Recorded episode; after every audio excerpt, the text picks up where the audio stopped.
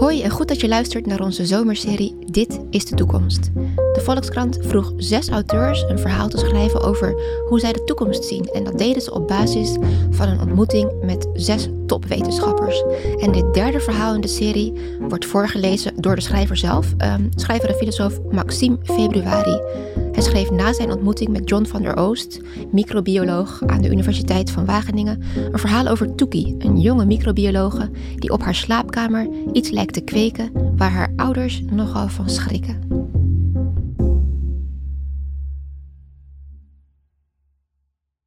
Kind tussen twee culturen. Wees blij, zei Octavia. Wees blij dat ze niet zwanger is. Ze zuchtte. Het was half gemeend, dit zuchten. Net zoals de mededeling zelf half gemeend was geweest. Als je de hele situatie zou analyseren, zou je uiteindelijk niet veel meer overhouden dan een hoopje ironie en wat tegenstrijdige gevoelens. Dat was trouwens typisch Octavia. Haar zelfspot was zo overheersend dat ze vaak niet meer wist wat ze ergens van vond. Als ze zichzelf had moeten beschrijven, zou ze waarschijnlijk zeggen dat ze heel gelaagd was in haar emoties. Philip stond een paar meter van eraf in het souterrain dat ze tijdelijk hadden afgestaan aan hun dochter. Hij boog zich over petrischaaltjes met schimmels en bacteriën en deed alsof hij er verstand van had. Octavia zag het, haar mondhoeken trokken even omhoog, maar ze liet het passeren. Ze had geen zin in gedoe, niet in plagen en niet in praten over de paniek die zojuist in hen beiden was opgeleid. Na zoveel jaar huwelijk waren ze het stadium van de diepe gesprekken voorbij. Eerlijkheid, transparantie, symbiose. Ze geloofden het allemaal wel. Wees blij, zuchtte ze dus. En Philip knikte naar haar. Ja, ja, ja, zei hij, ja, ja, ja, niet zwanger. Was dat nou niet geweldig goed nieuws in deze onzekere tijden? Geweldig.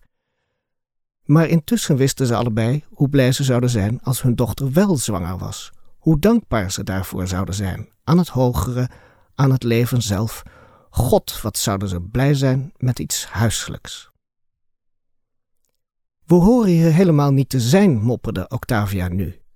Ze stond daar in het souterrain, met haar gezicht naar het hoge raam, waarachter de tuin deinde in de middagzon en het licht verzachtte een kort moment haar gemoed.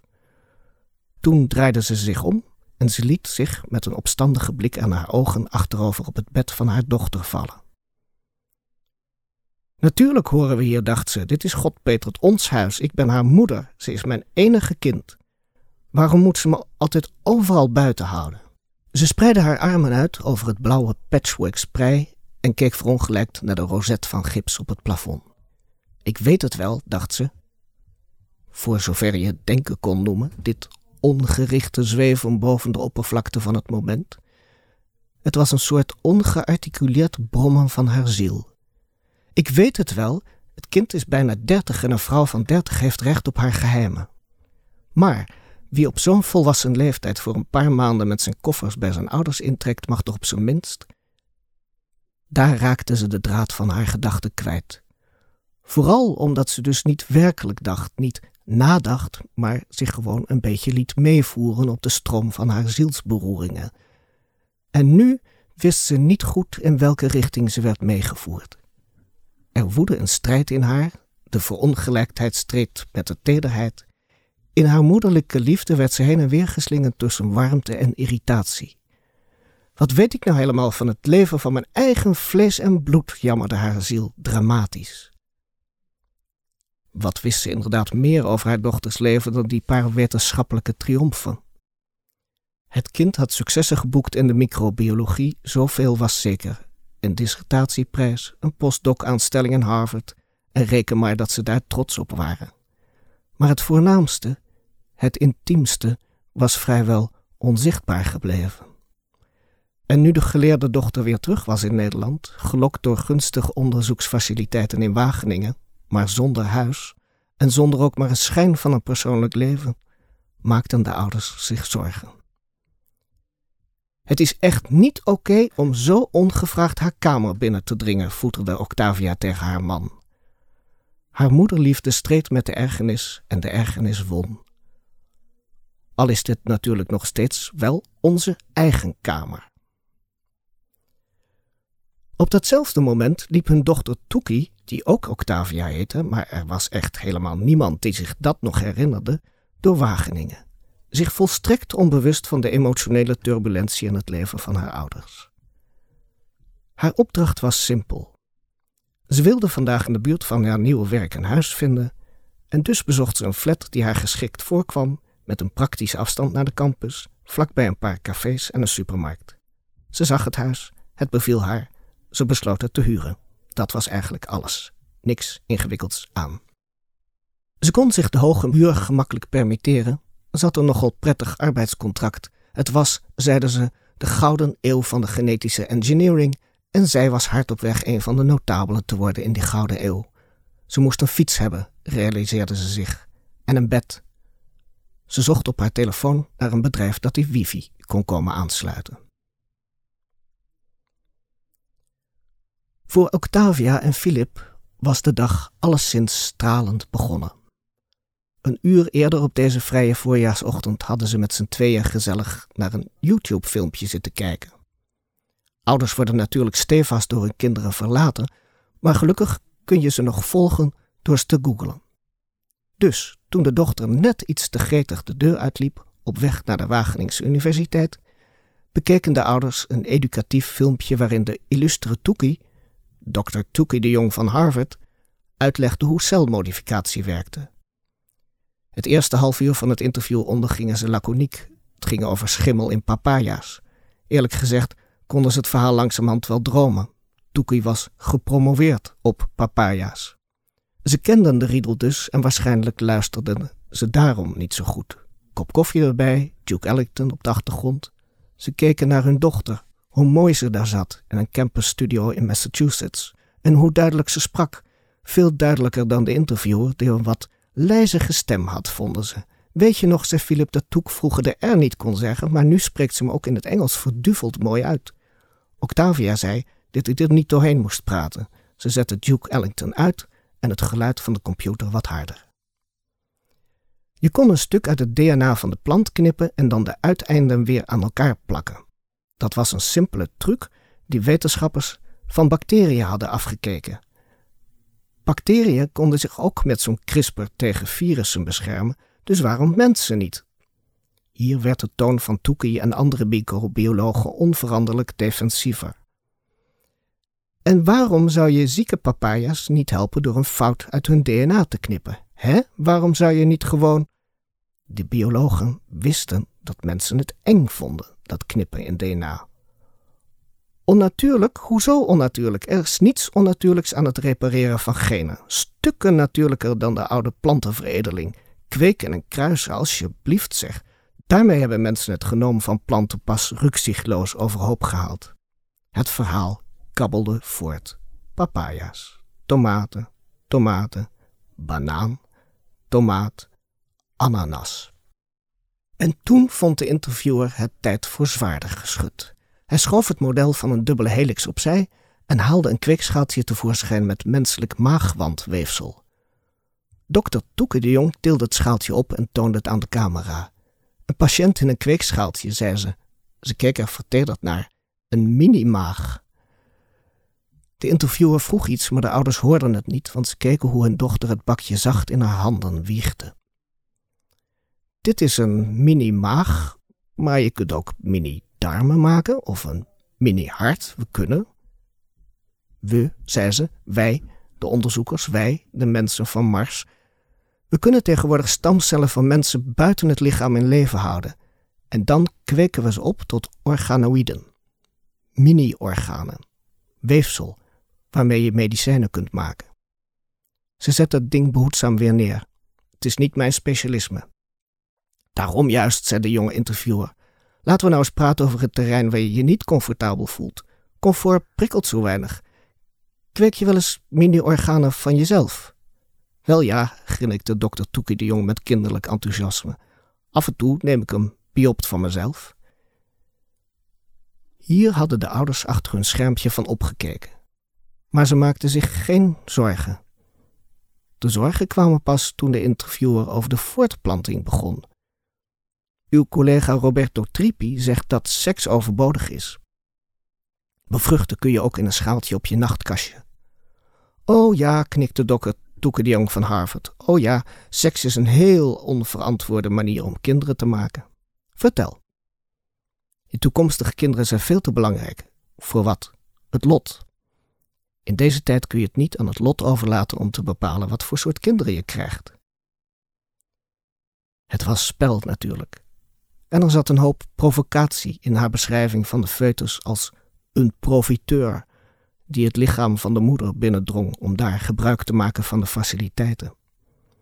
Ze haalde de filosoof Judith Jarvis Thompson aan, die mannelijk zaad had beschreven als een inbreker, stuifmeel dat zich nestelde in je vloerbedekking. Allemaal spel. Maar ze had er blijkbaar toch over nagedacht. Ze had er een studie van gemaakt en ze zag tot ontzetting van haar ouders de bevruchting als een horrorfilm voor zich. Cellen dringen de baarmoeder binnen. Uit die cellen schieten kleine wortels op die de bloedvaten van de moeder platleggen. Zijn de bloedvaten eenmaal verlamd, dan kunnen de cellen de omgeving aanpassen aan hun eigen behoeften. Ophouden met seks dus maar. De interviewer zat te vissen. Hij flirte misschien zelfs een klein beetje. Dr. Toekie de Jong zweeg professioneel. En als je zoiets op je nachtkastje wil nabootsen? Als je dat op je nachtkastje wilt doen, zei de jonge dokter, dan valt het nog niet mee. Je moet eerst huidcellen van de moeder of de vader hebben en die deprogrammeer je dan tot pluripotente stamcellen. Vervolgens zorg je dat die cellen gaan groeien door een slimme cocktail van groeifactoren op ze los te laten.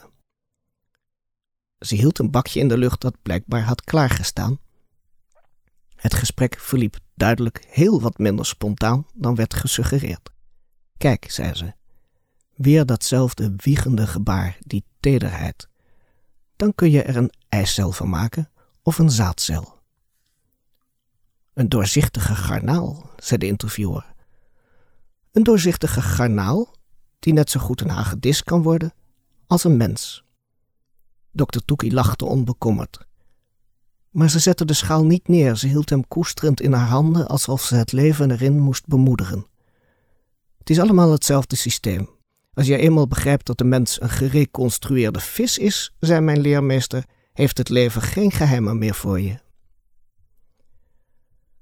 Na afloop van het interview zaten Octavia en Philip zwijgend naast elkaar.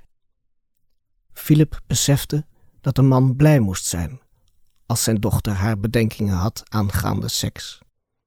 Maar er ging iets afstandelijks van het filmpje uit, een leefrichting die hij niet kende en die hem op een diep niveau ontregelde. Opeens vroeg hij zich bezorgd af wie die jonge vrouw was die in zijn huis was getrokken. Met haar CRISPR-Cas en haar codes en haar technieken om DNA door te knippen. Zonder er goed over na te denken hadden ze in hun souterrain een jonge demiurg toegelaten die leven uit elkaar kon halen en weer in elkaar kon zetten. Opeens kon hij van pure opwinding niet langer blijven zitten. Ik ga op haar nachtkastje kijken. Het was vrolijk bedoeld, maar hij schrok er zelf van hoe ernstig het uitpakte. Geagiteerd liep hij de kamer uit. Octavia zat bewegingloos. Het was haar eerste gedachte, nee, ditmaal geen gedachte, ze sprak het in haar hoofd hardop uit, dat dit haar lot was, dit achterblijven achter een leeg kopje in een lege kamer. Niemand wil mij meer, dacht ze. Hoe lang was het geleden dat ze voor het laatst een baby had vastgehouden, voor een kind had gezorgd? Philip was al jaren geleden in zijn gedachtenwereld verdwenen, en de mannen die haar vroeger nog wilden, praten tegenwoordig met haar over hun prostaat, een scheiding op komst. En nu wilde dus zelfs haar dochter geen seks meer. Het was alsof Octavia haar eigen leeftijd en onvruchtbaarheid pas goed tot zich door liet dringen nu haar kind de vruchtbaarheid zo nonchalant afwees. Ze stond langzaam op. Buiten dwarrelden pluizen en zaden door de lucht. De lege ruimte boven het grasveld was op deze lentedag vol materie, de lucht dik en gevuld. Octavia staarde door het raam naar buiten, naar het niets. Maar er was geen niets. Alleen die zware laag atmosfeer vol pollen en zaad.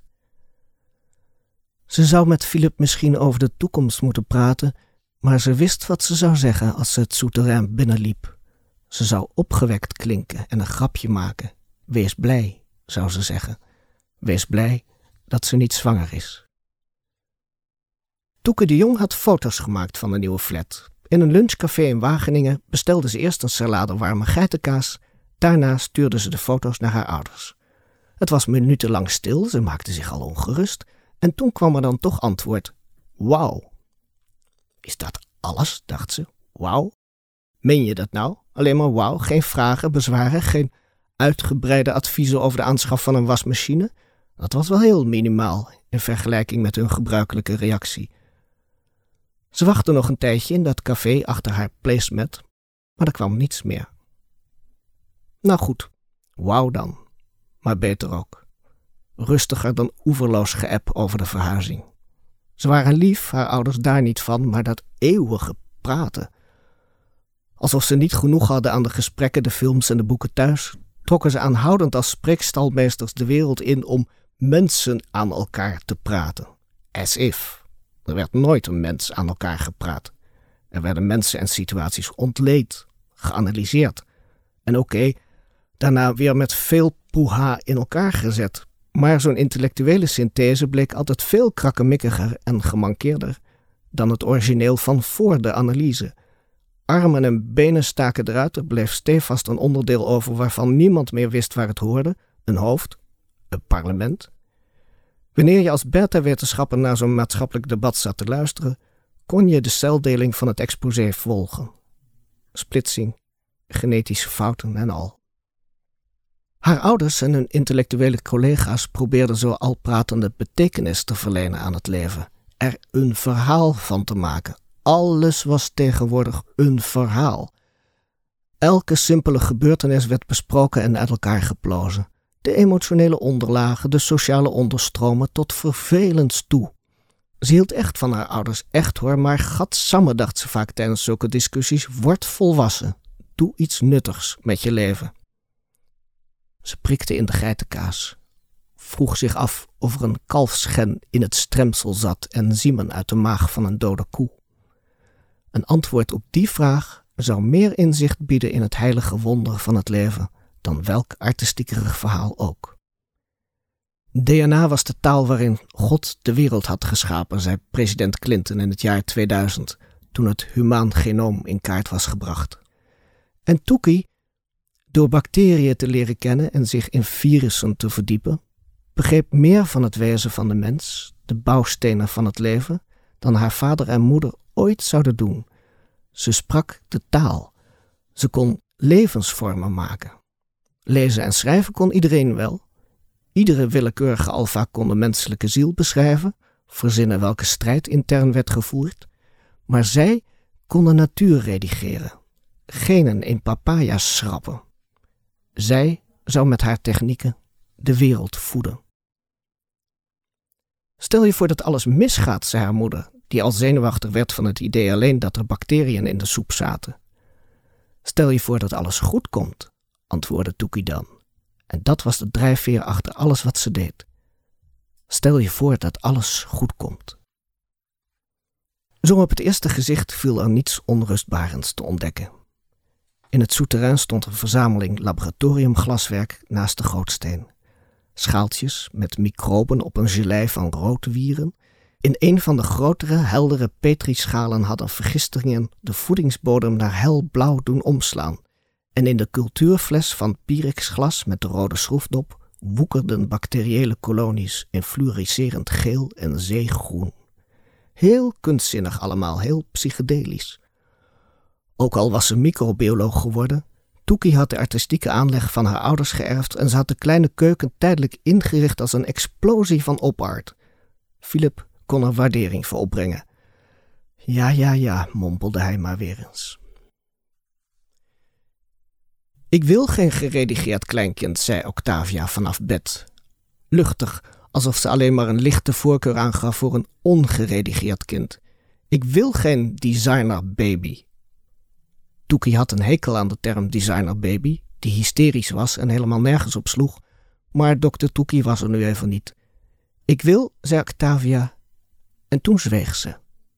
Philip stond gebogen over een onopmerkelijk oranje weefselkweekschaaltje met een doorzichtige garnaal erin.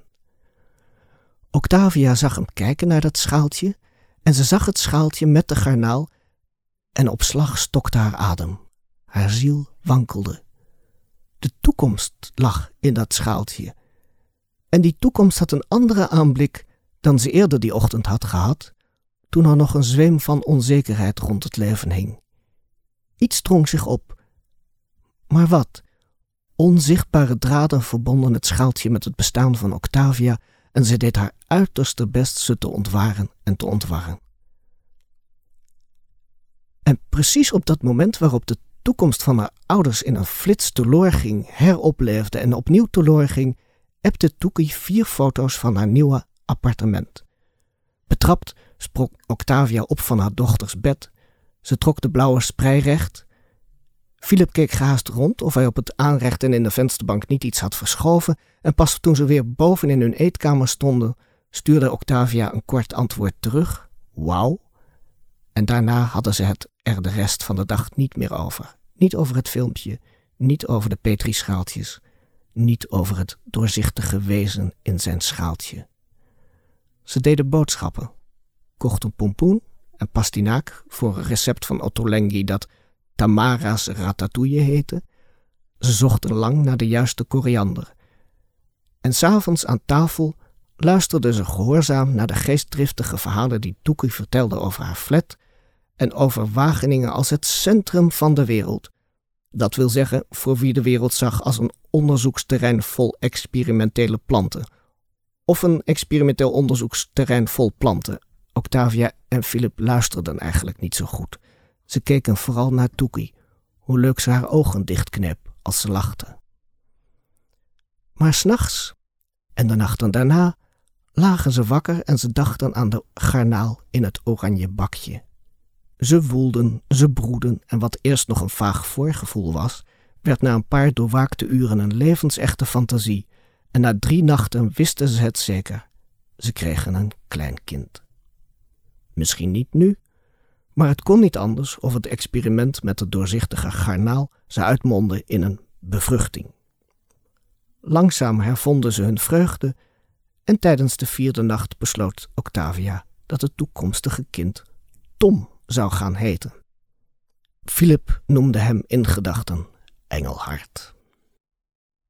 Terwijl ze in bed lagen en deden alsof ze sliepen, droomden ze van hun toekomstige familieleven. Philip dacht eraan hoe hij de baby op zijn borstkast zou leggen om hem zachtjes in slaap te wiegen, hoe hij zijn stem in het donker zou laten brommen om Engelhart het gevoel te geven dat hij thuis was. En Octavia stelde zich voor hoe ze Tom liefdevol zou volstoppen, voorlezen, opkweken totdat hij groot was en zij uit nostalgie zou willen dat hij weer klein was. Iedere dag gingen ze, zonder het tegen elkaar te zeggen, naar een kleinkind kijken dat in zijn oranje schaaltje schommelde. Ze dachten dat het kleinkind tegelijkertijd ook naar hen keek. In de wereld daarbuiten sneuvelden bossen en moerassen, honderdduizenden diersoorten gingen teloor, maar Tom Engelhart schommelde hier voorlopig zachtjes in zijn kleine couveuse. Hij stond onder toezicht van hun dochter en dat voelde goed. Er waren wel twijfels. Octavia begreep dat ze hoorde te denken zoals de wetenschap dacht, in termen van genetische codes en instructies, maar voor haar was Tom heilig. De hemel verhoede dat haar dochter in hem zou knippen, wat als ze per ongeluk misknipte. Midden in de nacht, op het uur dat de krankzinnigheid toeslaat, kreeg Octavia visioenen van Tom als een duivelskind bij wie een staart op de plaats van het staartbordje was blijven zitten. De volgende ochtend lachte ze zichzelf hartelijk uit om die waanzin, maar de onrust bleef. Philip had zijn eigen zorgen. Terwijl Toekie aanstalten maakte om te verhuizen, ging hij zo vaak mogelijk naar Engelhard kijken. Bezorgd boog hij zich over het schaaltje waarin heel langzaam iets groeide. Nu gaat het beginnen, huiverde de dichter Nijhoff in hem. Nu is het voor alles te laat. Eigenlijk was er geen taal voor de onrust die Philip de Jong overviel. Er bevindt zich helaas niets tussen de wetenschappelijke taal van de biotechnologie en de ongrijpbaarheid van de menselijke ziel. Iedere keer dat hij het platte oranje bakje zag, een etiket met de naam van zijn dochter erop, snapte hij weer dat Toekie een heel leven had dat hij niet kende. Je mocht aannemen dat zij alles van hem wist, op grond van het DNA dat ze deelden, en hij wist niets van haar. Neusde hij ongevraagd in haar kamer? Zij neusde al jarenlang in hun genen zonder hem er ooit iets over te vertellen. En nu hij zich sterker dan ooit bewust was geworden van zijn genetische aanleg, werd hij bang dat zijn dochter de genetisch bepaalde zwaardmoedigheid zou wegknippen die Engelhard zo verschrikkelijk hard nodig had, omdat de jongen, had Philip besloten, balletdanser ging worden. Waar is dat oranje schaaltje gebleven? vraagt Octavia zo nonchalant mogelijk. Welk oranje schaaltje? Toekie kijkt rond in de keuken, naar de lege keukenkastjes, naar de stapels borden en kopjes die overal in het rond staan, verhuisdozen op de stoelen, dekbedden over de rand van het balkon. Het appartement ruikt naar verf. Haar vrienden hebben de muren geverfd in de kleuren improbable en vergeving. Heb ik per ongeluk iets van jou meegenomen? Ze verbaast zich een beetje over de detailvraag. Het is een chaos hier. Een oranje schaaltje is wel het minst van alle zorgen.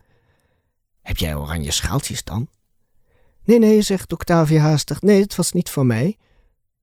Ze wordt warm, haar hart gaat keer. Waarom doet haar dochter zo laconiek over de baby? Ik bedoel dat oranje petrischaaltje naast je microscoop. Naast mijn. Waar gaat dit over? Toekie heeft haar ouders zo snel mogelijk naar Wageningen uitgenodigd om ze het appartement te laten zien en te komen eten. Dat mag ook wel, na de lange logeerpartij in hun huis. Maar ze heeft haar hoofd er niet bij. Projectaanvraag, artikelbeoordelingen, nieuw lab, nieuw baas, nieuw huis. Alles komt zo'n beetje tegelijk. In ons souterrain. Octavia geeft haar ondervraging niet op en Toekie moet haar hersens 180 graden draaien om te kunnen terugdenken aan de kamer die ze een paar dagen geleden heeft verlaten. Oranje schaaltje. Ze denkt diep na en rommelt intussen door een doos met nieuwe potjes kruiden, chili, zwarte peper. Oh, zegt ze, oh, ja, ja, ja. Ze ziet het weer voor zich, het souterrain. En de microscoop. Dat was het tomaat. Waarom? Ik weet niet waar ik die. Ze kijkt op van haar kruiden. Toekie, die de taal van God spreekt en die echt alles van het leven weet, is nu even van haar apropos. Ze begrijpt niet waar dit gesprek om draait. En ze snapt al helemaal niet wat ze nou weer verkeerd heeft gezegd als ze ziet hoe haar moeder aan de keukentafel in tranen uitbarst, terwijl haar vader zijn kaken op elkaar klemt en strak naar het tafelblad staart.